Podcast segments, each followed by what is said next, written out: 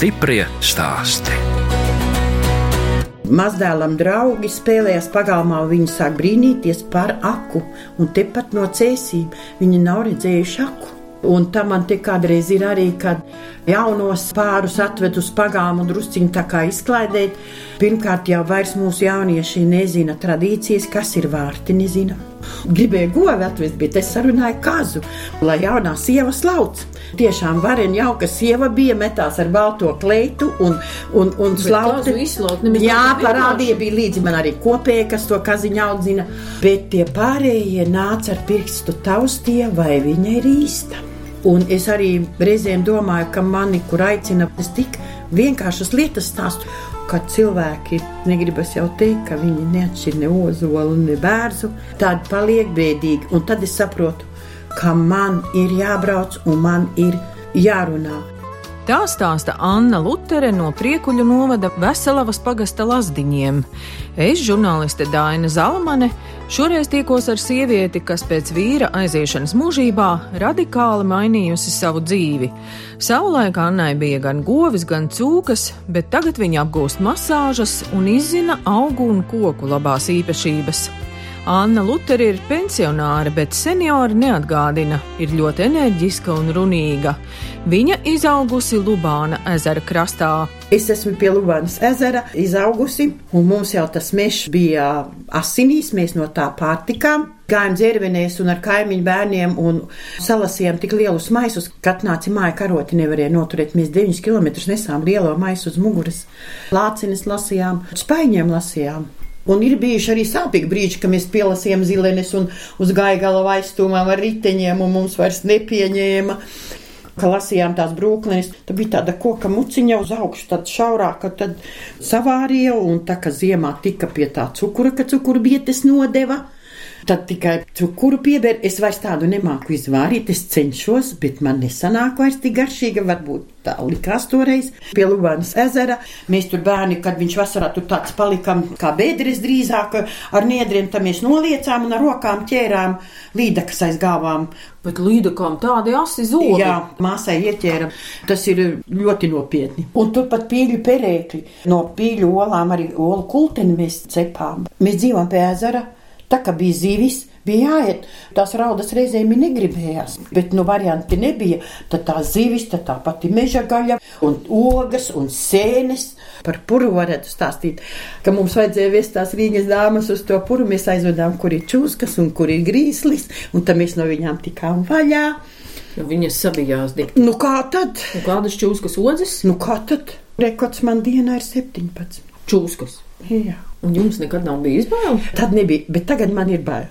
Tas labāk ar viņām parunājos, lai viņas man nerādās vairs.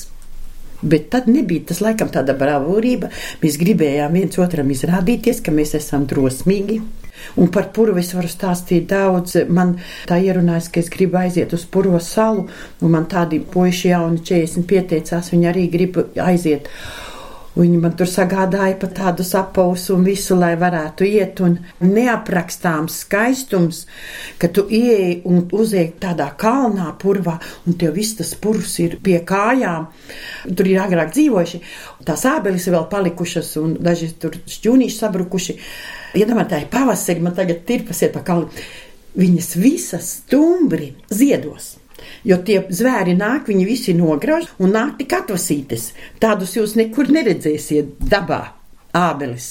Kā tas sauc to purvu? Mums viņš skaitījās lielais purvs. Vai tad varēja darīt tikai to, kas patika, bija ganos jāiet? Ar draugiem varēja satikties, tas atkal bija jauki. Bija 14, 15 govis. Šeit, kad es atnācu, brīnījās, ka mums tur zemes bija ļoti maz.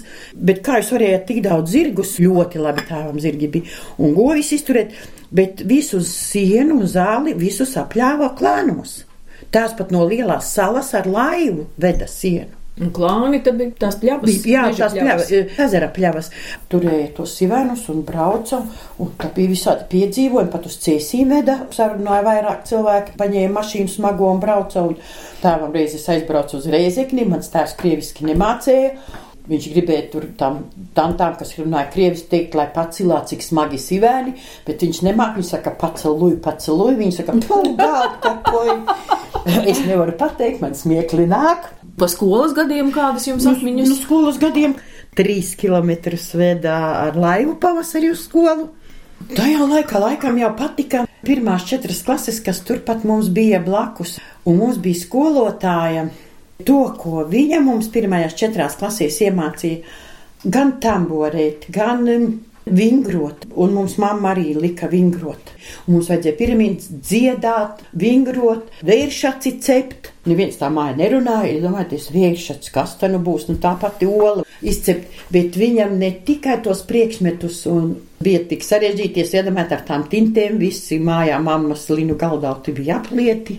Jūs tāda sprigana izskatāties, ka varējāt daudz blēņa darītāju bērnībā. Vai nedrīkst nemaz stāstīt? Uh, Mazbērni dzirdējis, ja? Nē, tik traki nav, man mazmeitiņai priekuļos vajadzēja, bet māmiņām stāstīt savas blēņas. Vēl viena no pļaviņā vecmāmiņa Citām pat blēņu nav. Mums tikai tās blēņas bija. Skolotāji mazmeitiņas klasē stāstu. Tajos laikos jau nedrīkstēja Ziemassvētkus svinēt, neko tādu darīt. Un es, protams, organizēju kopmītnēs no nagļiem, aizgāju uz zīdeņu. Ja, kad tās, kā saka, čigānos pārģērbāmies un gājām, un tos pašus desmit kilometrus aizgājām, un desmit atkal aizgājām uz internātu atpakaļ naktī pa kluso. Un kā jūs domājat, mēs nākam mājā, durvīs stāv audzinātāji. Un es tagad tiem bērniem arī prasu, kā jūs domājat, ko tā skolotāja mums teica. Nu, tagad tie bērni min, nu, ko viņa varēja teikt. Bet viņa teica, un kāpēc mani nepaņēmāt līdzi? Tu gaidi, ka tev kaut ko rādīs. Nu, jā, nu, tu jūties arī vainīgs. Ir par ko, bet tas tā ir palicis uz mūžu. Viss kaut kas jau ir darīts, palaidnības. Kā jūs izdomājat? Jā, jā, ar draugiem aizbraucu vispirms uz vecbebriem iestājums, bet es ļoti smagi saslimu. Un tā draudzene viena, kas arī tur, viņa izstājas arī, un viņa atbrauc un saka tā, braucam uz Reizekni strādāt pie saldējuma. Es aizgāju, un tā es saku, mēs gribam pie saldējuma strādāt. Viņa saka, meitene, ejiet labāk uz skolu. Protams, es neko nezināju no piensaimniekiem. Es nezinu, domāju, laikam man sirs labāk garšo. Nu, bet gotiņas taču mājās. Nu, kā tad pieņemšanas punkts bija, bet nekas jau vairāk nebija. Galvenais, ka mums prasīja, vai ir kur dzīvot, jo tiem, kam ir abi vecāki, tiem pašiem bija jāmeklē, kur dzīvot. Mums prasa, vai mums ir kur dzīvot. Es pirmo reizi reizeknē. Sakam, jā, ir.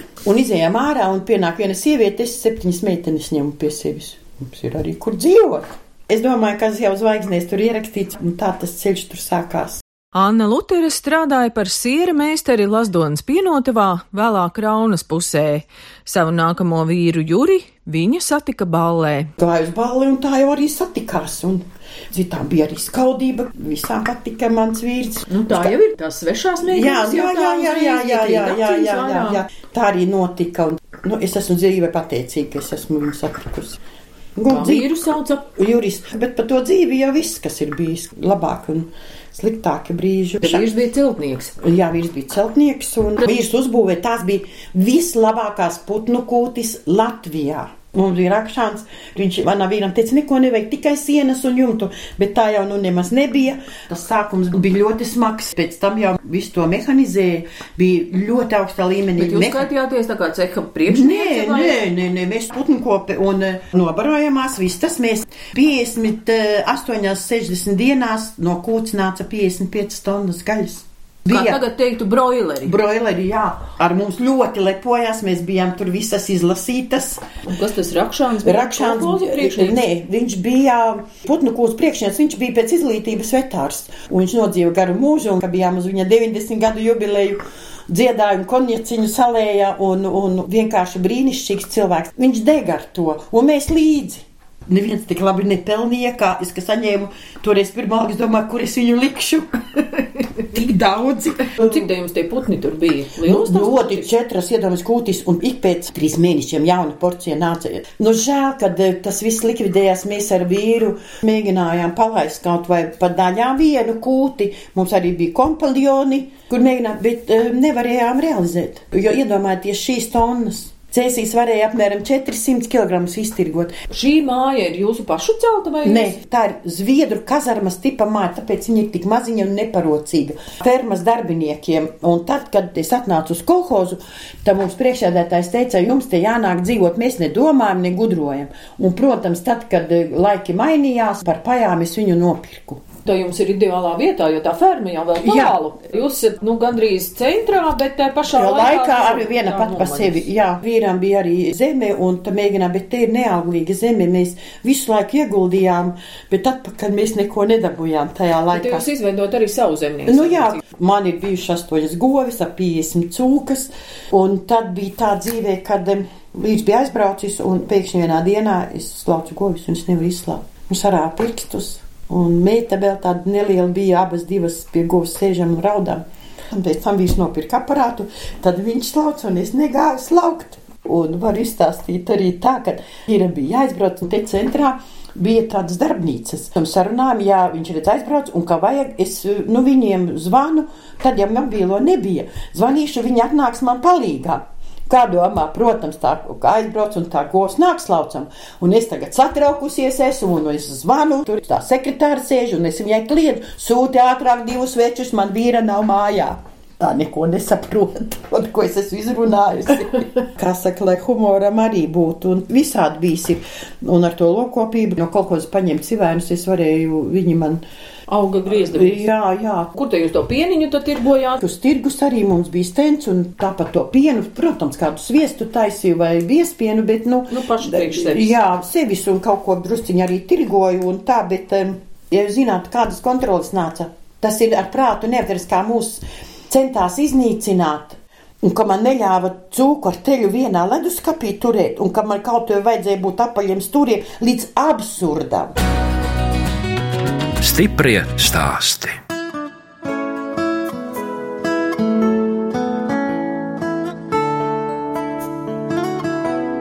Jūs klausāties raidījumu stipri stāstī. Šoreiz ciemojos Priekuļu novada Veselavas pagasta lasdiņos pie Annas Luteres.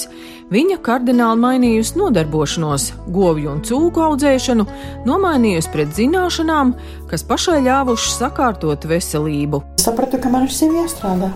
Kur mēs strādājam, vingro? Nu, jā, jā, jā. Daudz ko daru. Un skaidrīte, tā ir man tāda liela skolotāja. Viņa atrada pirmos kursus, viņa brauca man līdzi, sēdēja. Un kas tie bija par kursiem? Protams, sākām masāžu. Skolotājs saka, tā tev jāmācās tālāk, un tu tur skatāties, kā Anna-dara. Es tur neko nezinu, ko es tur daru. Viņa saka, tev jāmācās tālāk. Es saku, es nevaru, man nav naudas. Es nevaru aizbraukt rīt uz Rīgas kursiem. Vakarā atnāk cilvēks, kas 20 gadus atpakaļ ir bijis parādā, nesaka, lai aizbraucu. Es braucu, pa ceļam pārdodu kādas putnu barotavas. Es lai aizbraucu uz kursiem. Tik daudz tādu gadījumu, ja tu biji pa pareizo ceļu, tev atnāk, bet tagad braucu pie Zeltītes uz Vaidavu, un tur Māra Miera brauc. Tagad mācos antrofozofiju, jo es vairāk mācos, es saprotu, ka es neko nevaru paspēt iemācīties. Es aizbraucu un es viņā klausos kā simfonijā. Māra Meijera, kas Jā. viņa ir? Nu, viņa ir bijusi doktore, bet tagad viņa ir pensionāre, bet viņa ir, nu, brīnums manā uztverē. Es viņā klausos un domāju, tik atvērta, tik vienkārši, tik bez aizspriedumiem. Kad pie Annas Luteres brauc cilvēki, kas arī grib vairāk uzzināt par dabu, augiem un kokiem, viņa vispirms visiem jautā, par ko jūs šodien priecājaties. Es šodien priecājos tiešām par šo mīksto pūkaino sniegu. Par ko jūs šodien priecājaties? Par saulīti. Nu, brīnišķīgi aplausi vētrai. Kad Latvijā sāk jaunlaulātos apbērt ar rīsiem, man sirds otrādi apgriezās. Un tad es sāku meklēt, kas ir mūsu spēka sēklas. Izrādās tās ir ģimenes. Tās ir apbēruši, ka bērniņi piedzima jaunlaulātajiem pat kāzu tortēs cepa un visās lielos godos. Bet šīs sēkliņas var izmantot arī šādā veidā, šādā veidā saberzējam un ieelpojam. Oi, cik Elpojam, izpūšam, tā izdarām trīs reizītes, saberzējam, ieelpojam. Šīs sēkliņas var arī pauniņā paņemt un nesāt vai kabatā vai somiņā. Un, ja jums kādreiz dzīvē, darbā vai kur nav spēka nogrums, vienkārši šādā veidā paņemam sēkliņas, paberzi, un mēs atgūstam savu enerģiju, ejam smādīgi, priecīgi un laimīgi. Un pēc tam man ir grūtākais atkal darbs, lai čāmdas lotas man ir bijis, ka man ir 150 katra savādāka slote. Un atkal tas ir grūtākais darbs, slotas un smaržot un taustīt. Saprast, kura patīk? Jā, kura man patīk, kuru es gribu. Un te ir katrā vēl kāds noslēpums. Nu, te ir ziedi. Jā. Es varu teikt, ka tā ir pīlācīts. Jūs redzat, cik skaisti jaunie prieži. Priede, ja? Cik mīksti. Jā. Jūs slotiņas turat saldētavā, nevis žāvējat? Kā meita teica, agrāk gaļa stāvēja, tagad man tur stāv slotas un ogas. Un redzu, ka izņem viņa ir tieši kā tikko griezta slota. Es vienkārši gribu parādīt arī ziemā cilvēkiem.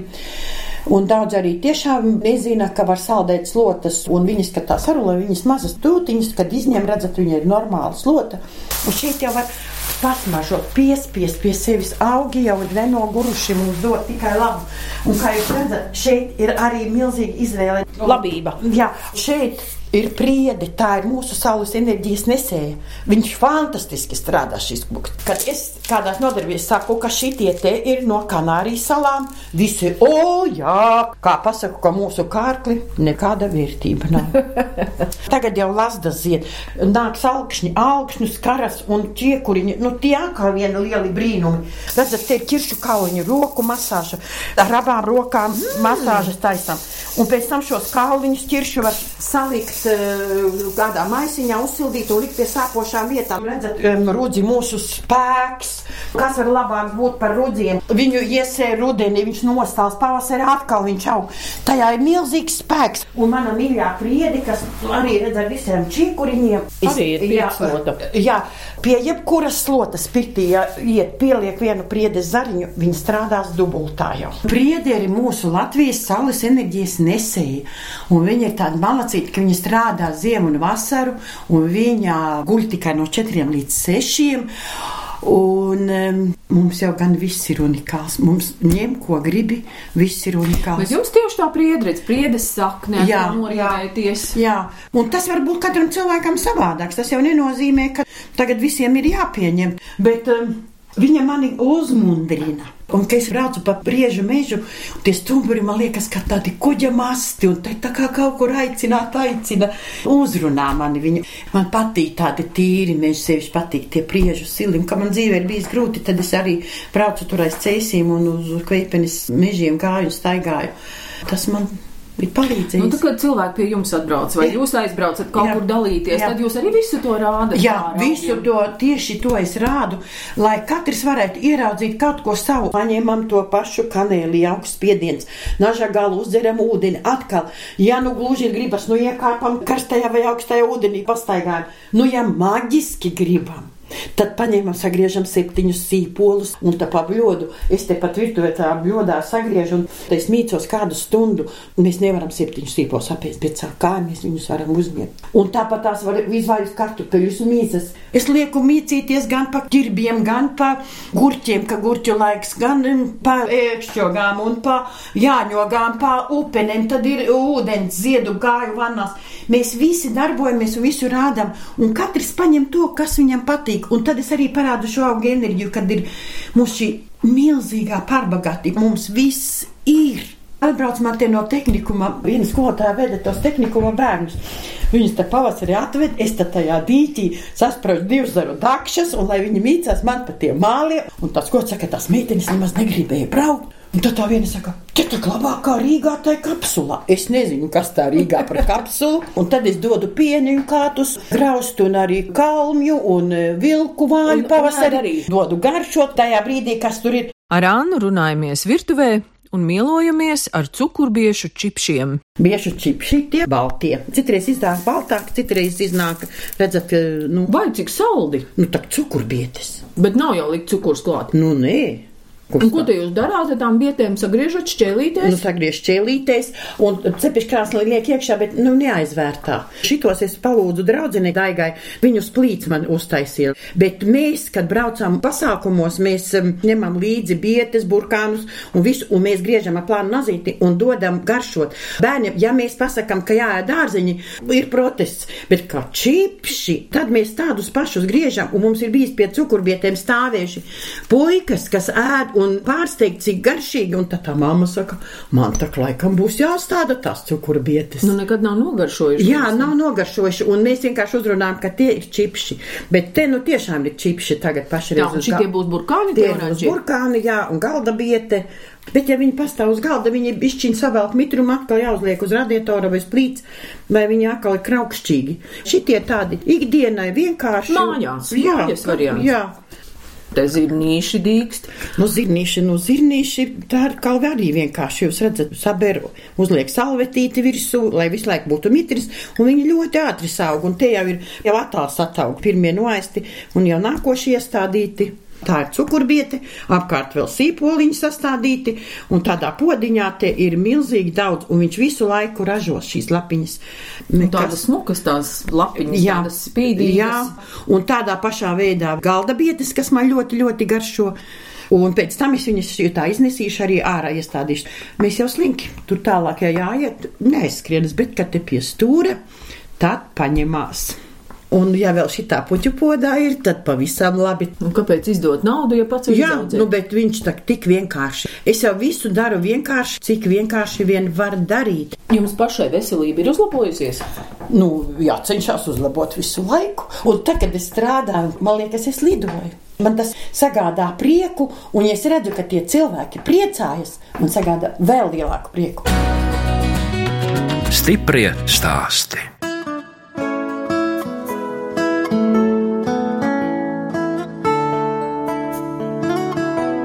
Skan raidījums stiprie stāsti. Turpinu ciemoties priekuļu novada Veselavas pagasta lasdiņos pie Annas Luteres.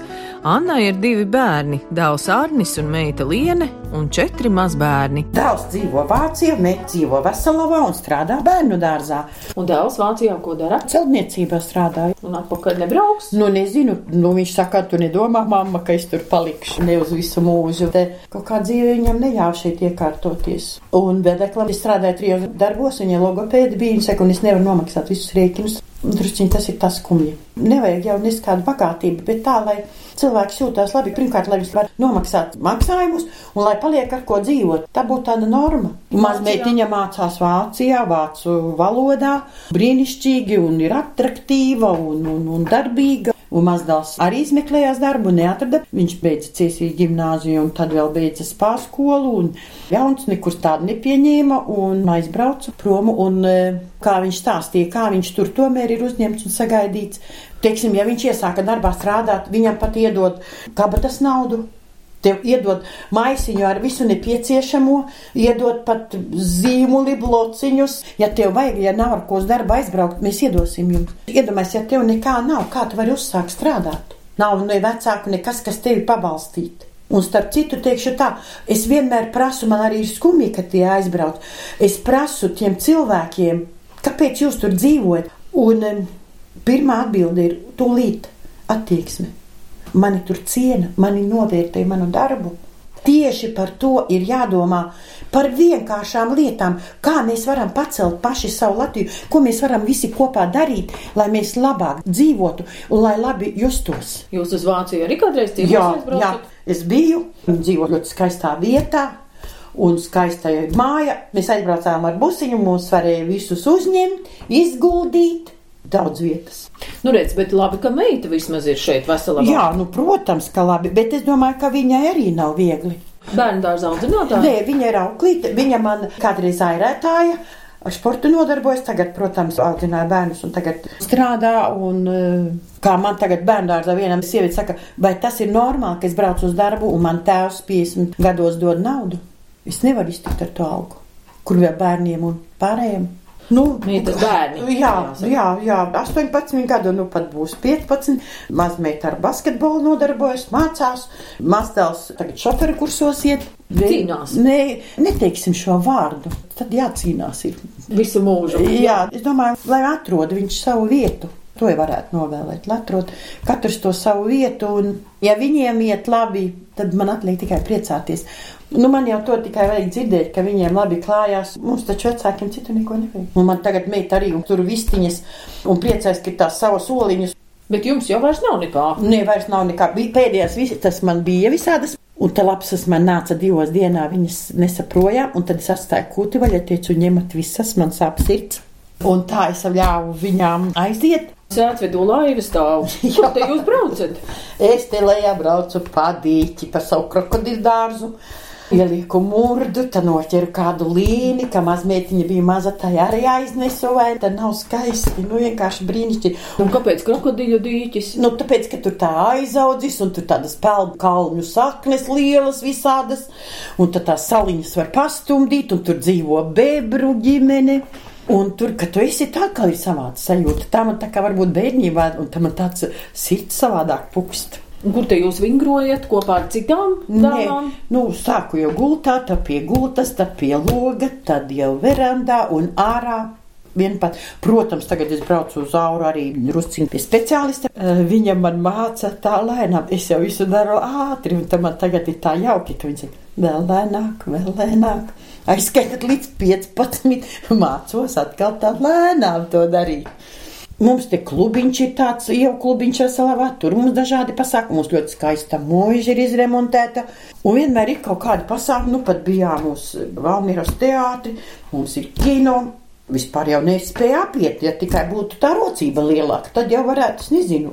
Bet jūs jau pat arī ar mašīnu braucat. Jā, jā, brauc, brauc, tas tā ir mana lielā priekšrocība. Daiga man ir draudzene, kas palīdz ļoti, kad es esmu piekususi vairāk vai mazāk, tad viņa man atkal savāc visu, kas ir palicis. Mēs kopā braucam, viņa ir geogrāfs, un pēc kartes mēs braucam, un mēs varam izbraukt visu Latviju. Viņš man saka, griezies pa labi, griezies pa kreisi, un tad jau es esmu droša braucēja, pat esmu līdz Līgas centram tikusi. Tur reizēm kaut ko varbūt piemirst, tad tas uz otrs tā, un tas kādreiz pa to Rīgu, kad es atbraucu pēc Rīgas, es domāju, te mūžam nepadarītie darbi, un domāju, cik labi. Es Rīgā ļoti nogustu. Nav viegli vienai, labi, ka pieskrieni mazdēls tur malku sanes, un, un tepat meita, un atskrien, kā saka, ja man kaut ko vairāk vajag. Man tā dzīvē laimējas, ka man ir ļoti labi draugi, kas man atbalsta, kas man ka vajag piestutē. Tā ir tā pati galvenā vērtība. Mēs jau viens neko nevaram. Neko viens taču nevar. Jūs zinat, kā svinēt dzīvi tagad? Ko lai es atbildu? Es laikam arī svinu. Es tagad varu arī atļauties apsēsties mierīgi. Es varu pie draudzenēm aizbraukt. Un ja vēl brāļu karpe žāvētā. Un, ja es te zem ozolā ar draugiem, mēs atnākam, izdzeram šampani, mēs uzdziedam pilnā kaklā. Nu, tāds prieks ir. Kāpēc lai par to nepriecātos? Un tad mēs te atkal ar daigu draugu atnākam un veļamies no kalna pa sniegu. Saprotat, tā ir tik fantastiska sajūta. Pavēlties no kalna pa sniegu. Jūsu pagalma lepnums droši vien ir tas lielais ozols. Jā, ozos, kļava un nosis. Nu, tie ir mani karaļi, ar kuriem es sasveicinos katru rītu. Ozols taču mans karalis un gudrinieks, un mums visi Latvijā brīnumaini. Mēs esam tik bagāti, tik bagāti. Nu, kāda ir veselība? Nu, veselība nav nemaz tik viegla. Tāda sarežģītā vietā. Lielceļa krustojums. Jā, krustojums, un viņa atšķiras. Teiksim, mūža ir pavisam citāda zeme, un es jau te kā augšā kalnā ir pilnīgi cita. Ja tur zied ceriņi, te jau vēl nezied. Divu nedēļu starpība, tādā 4-6 km starpībā. Un veselā tā kā ir sadalīta. Tad bija skola tur, tad ir šī te, viņa tā kā sadrumstalota. Te nav tāda dāsnīga zeme, te ir avotaina, smaga zeme. Es tiešām esmu pateicīga, ka man pašreiz tāds laiks ir. Un visvairāk priecīgi, ka es varu tikties ar cilvēkiem un braukt, un ka mūsu Latvija ir tik brīnumaina, sevišķi pavasarī, rudenī, kā viņa mainās. Te plauks, te vēl nē, tur tas ir, tur tā. Interesanti, Anna, kā jūs te veselībā uztverat? Nu, dažādi uztver. Ir gan pozitīvas atsauksmes, gan negatīvas. Nu, bet katrs jau mēs esam dīvaini savu reizi. Droši vien. Nu, varbūt man dzīvē tagad ir pienācis tāds brīdis, ka es tiešām brīnos un priecājos. Un es vairāk priecājos par to mūsu bagātību, kas mums apkārt, un par cilvēkiem. Un es ļoti priecājos, ka mani aicina pamudināt cilvēkus uz to, ko mēs varam paši savā labā darīt. Un var staigāt no poncija līdz pilātam, bet tik un tā jāatnāk pašam pie sevis. Un tas ir visgrūtākais.